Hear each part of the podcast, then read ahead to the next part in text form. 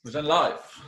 Nou Jan, goedemorgen. Ja, ik mag eigenlijk niet meer goedemorgen of goedemiddag zeggen, want uh, ik begrijp dat uh, dit natuurlijk op alle tijdstippen wordt, uh, wordt bekeken. We hebben het net al even heel kort erover gehad dat het heel ja, prachtig is dat inderdaad de webinars en de, ja, de gesprekken die we met jou opnemen, waar van ook podcasts gemaakt worden, die op Spotify gedeeld worden, heel goed bekeken en beluisterd worden. Dus dat is, dat is ontzettend fijn. Dus ik moest al even heel hard lachen om jouw glazen bol naast jou waarmee jij uh, de wereld uh, ja, bekijkt en daar jouw visie op geeft. Dus geweldig. Nou, we hebben natuurlijk de afgelopen dagen weer een heleboel nieuws voorbij zien komen. Iedereen is in, in afwachting en in spanning van wat er vanavond gezegd gaat worden. Mogen we live, mogen we open? We zien dat, ja, dat het verkeer toch weer wat drukker wordt. Winkels gaan open. Bedrijven hebben besloten toch weer naar kantoor te gaan. Ook al wordt daar ja, veelvuldig de anderhalve meter economie bij, uh, bij gehandhaafd. De olieprijzen zijn negatief. Dus er is echt wel iets aan de hand met de wereld. Mag ik jouw eerste reactie daarop vragen, op wat er momenteel allemaal speelt? Ja, nou, waar. Er gebeurt natuurlijk heel erg veel. Ehm, ik koppel het even terug naar vastgoed. uiteindelijk is het ook uit de vragen van onze kijkers en luisteraars is duidelijk geworden dat ze ehm, uh, toch wel wat meer willen weten van, joh, wat gebeurt er nou een beetje als die crisis uh, langzaam maar zeker wat, uh, wat, wat, wat, wat minder wordt en er wat maatregelen versoepeld worden. Ja, inderdaad. Ja, als, ik, als ik nu kijk naar, en dat is eigenlijk een herallocatie, een kapitaalherallocatieprobleem, waar gaat al dat kapitaal naartoe wat er nu boven de markt zit, zodra het weer besteed kan worden.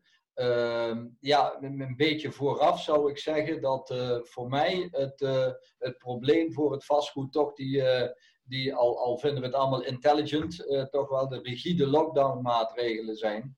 Ja. Die, um, um, waarbij ik ook moet zeggen dat het mij wat verbaast dat wereldwijd de landen, en zeker Nederland, eigenlijk ook niet meer door politici wordt geregeerd. Maar dat er stel uh, virologen inmiddels het complete mandaat van uh, de politiek en het regeren overgenomen hebben. En uh, ja, dat is natuurlijk wel een, een, een heel lastige. enerzijds snap ik dat het voor het zeven uur praatje van Mark Rutte altijd handig is als je kan zeggen, ja, dat heb ik allemaal niet bedacht, dat hebben de virologen bedacht. Ja. Zo schuiven we natuurlijk een stukje, een stukje verantwoordelijkheid wel af. Uh, ja, en, en voor mij is nog steeds een beetje het probleem dat de eerste viroloog die iets van economie snapt, die zal nog geboren moeten worden. Dus uh, we, hebben hier nog wel steeds een, een serieus probleem als, als de, de economie op de tweede plaats wordt gezet. En uh, de, het, wetenschappelijk over elkaar heen buitelen van, van de virologen, als dat, op, uh, als dat de prioriteit blijft. Ja, je ziet natuurlijk ook dat daar steeds meer uh, tegen geageerd wordt. Ook vanuit uh, de stad of Amsterdam bijvoorbeeld. Dat er ook echt wel gewoon stemmen steeds vaker horen, te horen zijn er gezegd wordt, ja, buiten natuurlijk inderdaad uh, virologen niet voor te zeggen, maar dat er ook geen uh, ja, hulp wordt eigenlijk gezocht van psychologen, maar ook niet van financiële meesters, ook niet van mensen die in stad natuurlijk gewend zijn daar het beleid te voeren. En ja, dan al helemaal niet wat grotere gemeentes en, ja, en een land aangaat. Dat dit natuurlijk op een heel ander level is dan uitsluitend wat er met mensen gebeurt. En uh, hè, natuurlijk zijn mensenlevens voor iedereen uh, het meest waardevolle. Zeker.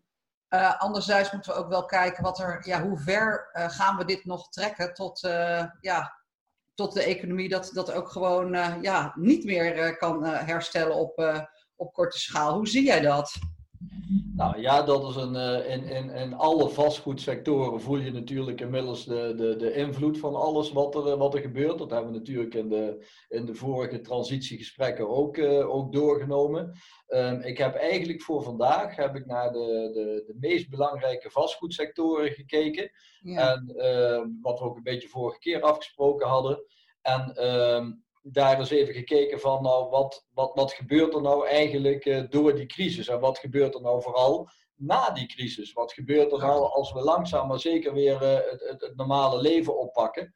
Nou, laten we eens beginnen met uh, retail. Dus, mm. Want dat is natuurlijk het, het, het, het, zorgenkindje. Ja. En ehm, nou ja, je, je, kent mij, ik denk altijd een beetje anders dan andere mensen doen. Dus ik laat dat een tikkeltje afhangen van ehm, wel een hele oude theorie, de theorie van Maslow, die ken je nog wel. Ja. Uh, nou ja, die is natuurlijk uit, uh, uit 1943, dus uh, die is tikkeltje, tikkeltje outdated.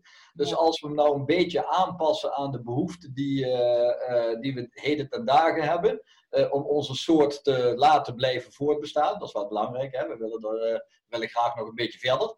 Ja, wat, wat heb je dan nodig? Dan heb je natuurlijk toch gewoon de basisdingen in de retail nodig als supermarkten, een bakker, een slager, een groenteboer, eenvoudige kledingwinkel.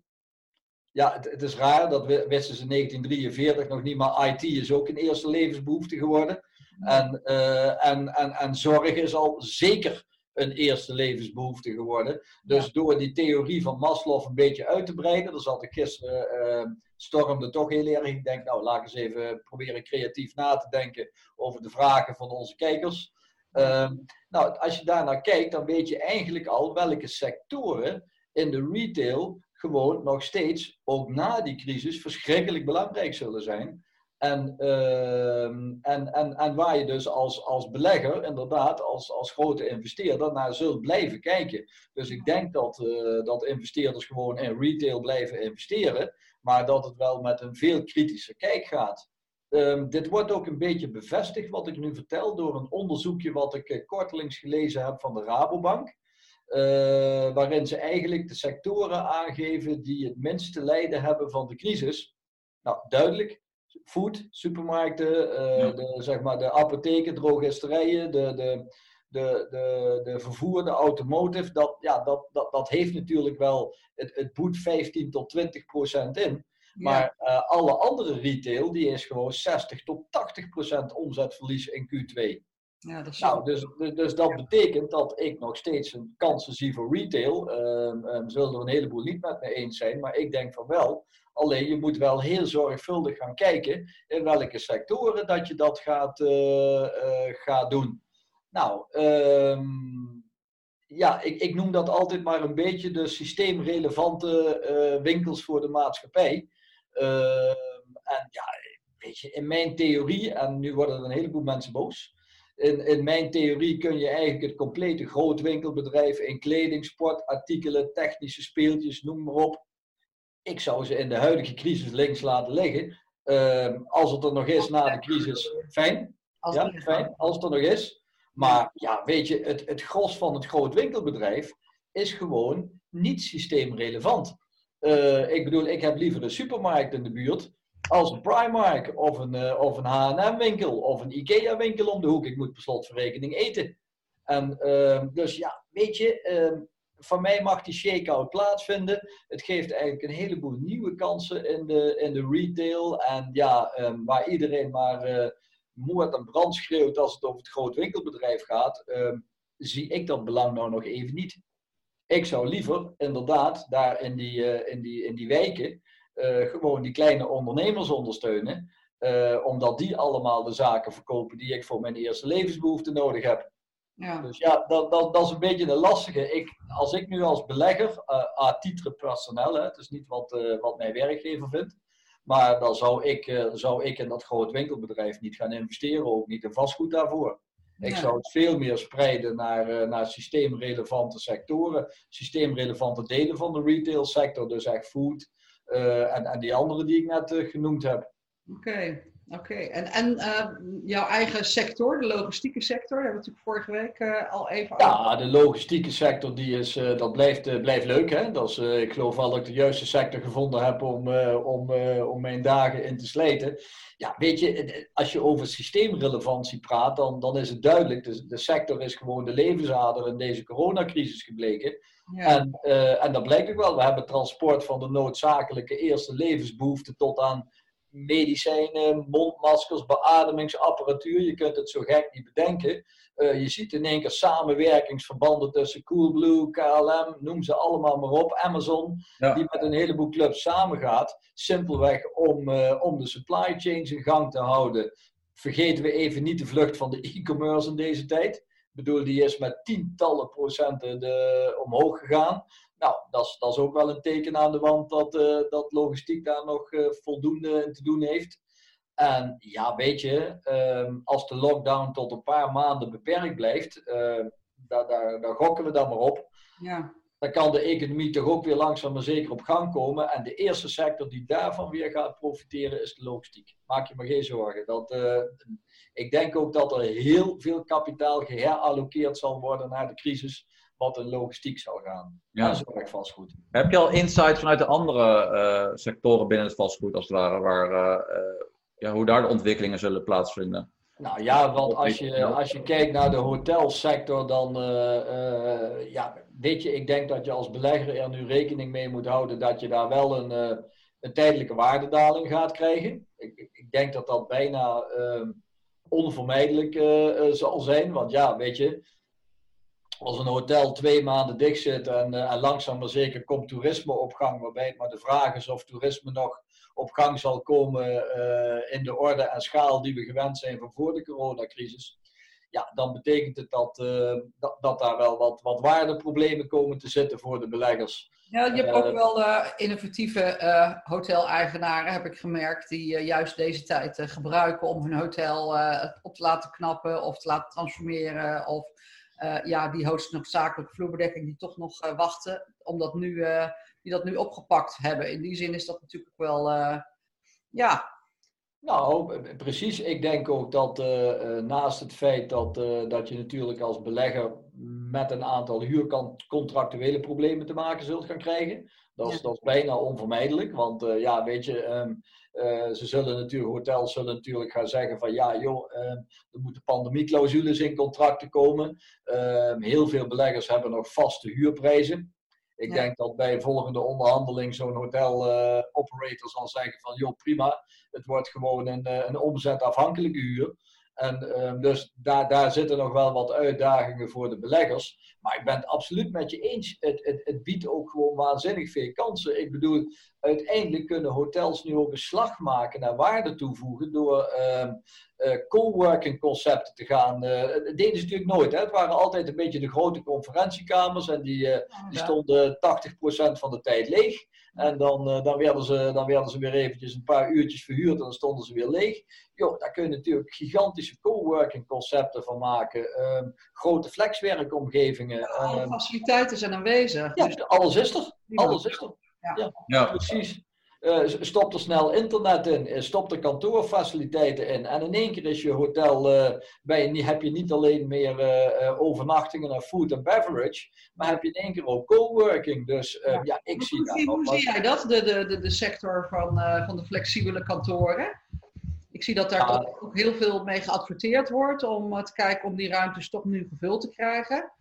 Wat ja. verwacht je dat daarmee gaat gebeuren hierna? Ja, in de kantoren is het natuurlijk een, een, een, een lastig ding. Uh, er is een onderzoekje geweest vorige week, als ik het goed heb, van het Kennisinstituut voor Mobiliteitsbeleid. Ja. En die hebben, die hebben eigenlijk bij een gigantisch grote uh, enquête zijn ze erachter gekomen dat 25% van de mensen die meer zijn gaan thuiswerken, wat we door de coronacrisis natuurlijk ja. gekregen hebben, denkt dat in de toekomst ook te blijven doen. En werkgevers hebben toch ook min of meer diezelfde mening. Dus um, ja, um, ik denk dat de kantooromgevingen hebben twee verschillende dingen. Ik denk dat de werkcultuur verandert. En die gaat uh, behoorlijk veranderen. Ik denk dat een bedrijf zoals waar ik werk, uh, Deka Immobilien Investment, een schoolvoorbeeld is. Ik bedoel, uh, voorheen zat 10% thuis te werken. Nu zit 100% thuis te werken. Dus er zitten meer dan 4000 medewerkers thuis. Ja. De productiviteit is hetzelfde hoor. Ik bedoel, er wordt gewoon uh, nog volop uh, aangekocht, verkocht, uh, aangehuurd, verhuurd, noem maar op. Ja. alle, alle systemen zijn bij. Dus ja, ik, de werkcultuur verandert. En anderzijds de, de prime locaties, de kantoren, kantoor prime locaties. Daar gebeurt in die crisis even niks mee in mijn beleving. Die hebben allemaal lange huurcontracten. Um, er is natuurlijk zeker in Nederland een schaarste uh, weer aan het ontstaan aan, uh, aan kwalitatief goed uh, kantoor, vastgoed. En er is ook geen echt grote pipeline. Er is geen echt grote ontwikkelingspipeline in Nederland in kantoren. Dus ja, ik, ik denk dat kantoren op die, die prime locations, zo'n Zuidas en het centrum van Amsterdam en zo, ja. dat, dat komt wel goed. Kantoren op B-locaties wordt een, dat wordt een vervelend dingetje. Ja, ja. Dat denk ik wel. ja. ja. Daar, uh, daar, daar heb je natuurlijk, daar is ook heel veel ingezet op coworking. En dat loopt op het moment gewoon niet lekker. Nee, ja. ja. En residentieel, hè? we zien natuurlijk dat uh, de prijzen gewoon toch uh, zijn blijven stijgen. Er was even wat, uh, wat angst om, van de voorspellingen dat, er, dat ja, de woningprijzen volgend jaar zouden gaan dalen. Maar goed, dat is natuurlijk altijd wat voorbarig om daar nu het al over te hebben. Wat, wat verwacht je daarvan, van de residentiële sector? Ja, dat is voor, voor mij wat lastiger natuurlijk, omdat het, uh, hij wordt bij ons niet tot, uh, bij mijn werkgever niet tot de, de commerciële assets gerekend. Wij investeren er eigenlijk alleen maar in, in joint ventures in. Maar ja. ja als ik naar, er is overal schaarste. ook in Nederland is er schaarste. Ook in een land als Duitsland is een waanzinnige schaarste aan, aan, aan nieuwbouw ja, weet je, ik, ik, iedereen die zal nu natuurlijk even een pas op de plaats maken en zijn adem even inhouden voordat hij weer uh, aan de slag gaat. Maar ik herinner me de laatste crisis nog, uh, de financiële crisis. Uh, daar hadden we toch allemaal wel een bijzonder uh, korte termijn geheugen. Want in no time na die crisis schoten de prijzen omhoog. werd het aantal huizentransacties dat, dat, dat vertienvoudigde onderhand iedere maand weet je, ik maak me over residential in Nederland niet zoveel zorgen. Als je natuurlijk verhuurd vastgoed hebt, verhuurde woningen. Ja, weet je, dat, dan zullen mensen werkeloos worden door deze crisis. Ik bedoel, uh, uh, dat, dat zal gebeuren. Dus ja, je zult daar hier en daar wat betalingsprobleempjes uh, krijgen. Maar gewoon wat de, de prijzen betreft en de, de, de, de waardevastheid van eh, residential maak ik me eigenlijk geen, uh, geen zorgen. Nee, okay. wat, wat is in jouw perceptie de, het grote verschil met de financiële crisis uh, die destijds. Ja, nou, deze, de, deze, als het goed is, moet deze eigenlijk korter gaan, uh, gaan duren. Ja. waarbij de impact, zeg maar, in, in die kortere tijd wel ontzettend hevig is. Kijk, bij die financiële crisis zagen we het langzaam maar zeker afbouwen. Dus daar, daar, daar had je een beetje dat een jaar of anderhalf jaar na dato nog een heleboel bedrijven en bedrijfstakken zeiden nou, we voelen hem eigenlijk niet, die financiële crisis. Ja. Nu is het natuurlijk even een ander verhaal, doordat je gewoon de complete economie in een lockdown zet, wereldwijd. Ja, is het in één keer, uh, we hebben geen tijd om eraan te wennen. Ik bedoel, van vandaag op morgen was het de crisis. Ja, en dat is, uh, ja, dat is een lastige. Je ziet dat, uh, dat, dat, dat bedrijven en ook investeerders daarmee wel een struggle hebben. Die, ja. Die, die, die, ja, je bent daar niet op voorbereid. Nee. Dat geldt overigens ook voor ons hoor. Ik vind, ja, ik vind het wel leuk om ook eventjes uh, over te hebben. We zien natuurlijk heel veel nieuws. Het is, natuurlijk wel, uh, het is ook veel negatief nieuws. Uh, we hebben natuurlijk de verschillende sectoren even aangestipt. Het is leuk om even te kijken, wat zijn de positieve effecten van, van deze ontwikkelingen op de sector? Wat, wat zijn de positieve dingen die eruit gaan komen? ja, misschien dat, dat, we die al, dat we die al merken of constateren, of dat die zeker zullen gaan plaatsvinden de aankomende weken.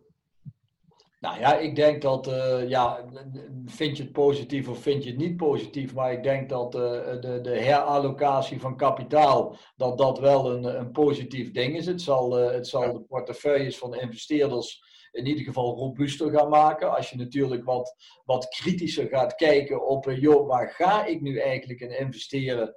En waarom investeer ik erin? En niet omdat ik het nou zo'n mooi winkelcentrum vind, maar is het ook een, eh, een winkelcentrum wat ik, uh, waar ik over een jaar nog, uh, nog een performance uit heb? Ja. wil ik nog steeds kantoren kopen voor een yield van 2%? Of vind ik toch dat, dat ik daar wat, wat, wat zorgvuldiger en wat voorzichtiger in moet worden? Moet ik meer allokeren in zorgvastgoed en in, in logistiek? Nou ja, dat, dat zijn denk ik de, de positieve dingen. Er komt een nieuwe mindset. En dat is goed voor de markt. Dat is altijd goed voor de markt, denk ik. En uh, ja, een ander positief ding zal zijn dat er, uh, zullen veel mensen niet zo vinden, vind ik wel dat er een shake-out plaatsvindt in die, in die economie. Dus gewoon de zwakke broeders, die, die, ja, weet je, die, die gaan omvallen. En dat is dan heel vervelend, dat snap ik allemaal wel. En er komt ook weer werkloosheid van. Anderzijds heeft ook de financiële crisis geleerd dat er daardoor nieuwe opportunistische initiatieven ontstaan in de markt. Ja. En, dat er, uh, en, en, en, vergeet niet, die financiële crisis dachten we allemaal, we zaten toen geloof ik op 11% uh, als werkloosheidscijfer. Uh, jo, dat krijgen we nooit meer opgelost. Jezus, wat een ramp, wat een drama. En drie jaar later zitten we weer op 3 of 4%. Dus ja. uiteindelijk zie je wel dat um, um, de innovaties die, eh, die zo'n crisis met zich meebrengt, dat die toch, uh, uh, er toch eigenlijk voor zorgen dat je er na verloop van tijd weer, weer ongeschonden en eigenlijk beter uitkomt. En daar geloof ik toch wel in hoor. Ja. nou, dat is, dat is goed om te horen. Ja, ik vond het ook uh, bijzonder dat, uh, om te lezen uh, en te horen ook dat er ook zoveel start-up bedrijven natuurlijk het hoofd nu niet boven water kunnen houden. En dat toch allemaal massaal aan het solliciteren zijn op openstaande functies. En dat dat voor bedrijven een enorme boost is om te zien dat er zoveel talent op de markt is wat nu toch weer eigenlijk bij bedrijven wil gaan werken. Dus ik zie daar ook wel inderdaad een, eh, een shifting in terechtkomen van wat er gaat gebeuren inderdaad qua bedrijven, maar ook qua invulling van het personeelsbestand. Dus uh, ja, ook, hè, we zijn natuurlijk nu gewend om, om thuis te werken, om elkaar ook te zien, uh, zoals nu ook uh, tijdens webinar of tijdens videoconference calls. En ook het gemak wat dat heeft. Je hoeft niet eerst anderhalf uur ergens heen te rijden, parkeerplaats te zoeken, naar ergens heen te lopen. Je bent eigenlijk uh, direct op de locatie en het werkt enorm efficiënt. We zijn natuurlijk allemaal ontzettend blij als we elkaar dadelijk weer zien en gewoon even hartelijk kunnen begroeten. Anderzijds heeft dit ook natuurlijk gewoon ja, zijn positiviteit, die, waarvan ik wel ook verwacht dat dat zeker voor een groot deel toch ook zo zal blijven. Ja, wat wij als sociëteit natuurlijk heel erg fijn vinden, is dat wij inderdaad gemerkt hebben dat de opleidingen die wij dankzij jou mogen publiceren op de Academy, dat die zo goed eh, ontvangen worden. En eh, ja, daar willen we inderdaad een vervolg aan maken. En uh, we hebben eigenlijk na een gesprek hebben we besloten dat we zeiden, nou is het ook leuk om de mensen die bij jou de opleiding gaan doen, om die uit te nodigen, ook in een webinar, omdat ja, dat is natuurlijk ook verplaatst vanwege corona en daar is ook erg enthousiast op gereageerd. Dus dat willen ze allemaal graag. Dus dat zal ik zeker een volgende keer graag initiëren samen met jou. Net als um, hè, dat wij met jou besproken hebben, goh, wie uit jouw eigen directe uh, netwerk zou het misschien ook waardevol vinden om met elkaar in gesprek te gaan. Daar zijn ook inmiddels positieve reacties op binnengekomen. Mooi. Dus ja, echt heel leuk. Dus, dus dat ga ik ook graag met jou delen, zodat we dat. dus ja, deze gesprekken zijn toch wel heel erg waardevol, dat is duidelijk. Hè? Ze worden goed beluisterd, ook de, de podcast en dergelijke. Wat, wat, wat heb jij zelf dat je denkt van, dit, ik vind dit, deze periode heeft mij als, als professional en als tutor toch een, een andere kijk op de sector gegeven waarvan jij zegt van nou, dat, dat vind ik wel echt baanbrekend. Dat is toch heel anders uh, in mijn jarenlange loopbaan. Zie ik nu daar een verschil? Of, of misschien ook wel niet, maar ehm, zou je daar een korte reactie op kunnen geven? Nou ja, wat mijn, eh, mijn persoonlijke denkbeelden over de sector betreft, heb ik door die crisis eigenlijk geen, geen, geen andere visie erop gekregen. Ik heb, ik heb eigenlijk altijd al een, een retail sector als een zwakke sector beschouwd. En ehm, nou, dat, dat, dat komt nu ook uit. Ehm, de hotelsector heb ik altijd van gedacht, ja, al zit het daartegen, was ook tijdens de financiële crisis wat lagere bezettingsgraden, maar ze komen er allemaal doorheen. En uh, dat verwacht ik nu ook weer. Dus uh, ja, weet je, je vraagt het natuurlijk ook aan iemand die, uh, die inmiddels meer dan 40 jaar in het vak zit en nu zijn vijfde, zijn vijfde crisis heeft meegemaakt. Dus ja, ja um, ik, ik, ik, ik zelf was door een aantal dingen inderdaad niet verrast. Wat wel verraste, was toch de snelheid waarmee, uh, waarmee bedrijven in één keer in de problemen kwamen. Dat zegt toch wat over het management van die bedrijven. Uh, dat, dat, dat als je al na, na twee weken moet gaan roepen dat je geen huur meer kunt betalen, dan weet ik niet wat je met de miljarden winsten gedaan hebt die je de afgelopen zeven jaar opgestreken hebt. Maar uh, iets in je beleidsvoering is fout. Nou ja, in die zin zal, zal de, deze crisis ook zeker uh, ja, bedrijven, hè, ondanks hun heftige branding die ze hiervoor gedaan hebben, uh, toch in een ander daglicht gaan stellen. Juist vanwege hun verzoek op staatssteun. terwijl ze natuurlijk ja, enorme winsten hebben gemaakt. Dus dat, dat, dat, geeft wel te denken. Ik denk, vraag me wel af inderdaad ja, wat dat inderdaad met de naam van, van een organisatie doet. Als dat, ja, dus maar ja, goed, dat zijn dingen, dat zal de tijd het uitwijzen. En dat, dat ja, dat, of in jouw glazen bol. Ja, ja. Eh, ja, meer in gaan zien. Ja, wat, wat eh, verwacht jij eh, dat, dat er vanavond gezegd gaat worden? Dat is natuurlijk ook wel een, een aspect. Verwacht jij dat we weer uh, langzaam aan, aan het werk mogen, gewoon op locatie? Ja, weet je, ehm, ik denk als het aan onze minister-president ligt, dan, dan zal die dat zeker wel willen. Maar uh, als er op een of andere, een of andere uh, viroloog weer begint te roepen dat we dat toch vooral de eerste drie maanden niet moeten doen, dan zal hij denk ik braaf als een briefje oplezen dat hij de eerste drie maanden niet gaat doen. Uh, ja. Want die politieke verantwoordelijkheid neemt hij niet. Dus ik, ik hoop dat hij zijn politieke verantwoordelijkheid neemt en gewoon zegt van ja jongens, natuurlijk, het is allemaal heel vervelend, maar die economie nu nog drie, vier weken op slot gaan gooien, betekent simpelweg dat we er niet meer uitkomen en dat hij uh, op, zijn, uh, op zijn lijstje mag bijschrijven dat hij in ieder geval uh, een economische crisis heeft veroorzaakt. Ja. Dus ja, ik, ik, ik, ik hoop dat het gezonde verstand bij de politiek zegeviert en niet wat, wat, wat drie verschillende virologen roepen met allemaal verschillende meningen. Daar gaan we niet uit. Nou, ik denk dat we het daar allemaal wel mee eens zijn. Nou, volgens mij een, een prachtige afsluiting van, van een, een waardevol en interessant gesprek. Volgende week gaan wij het dus hebben over uh, ja, wat er dus vanavond uh, besproken wordt en of dat inderdaad zo gegaan is. Uh, de nieuwe ontwikkelingen in de sector. We gaan het hebben over, over ja, de academische meerwaarde die wij kunnen leveren door, door nog meer kennis te delen. En ja, we gaan ook heel graag de week daarna in gesprek dan met, met een aantal van jouw persoonlijke relaties waar we ook erg naar uitkijken. Dus we gaan jou daar, daar heel graag van op de hoogte brengen en ja, houden natuurlijk.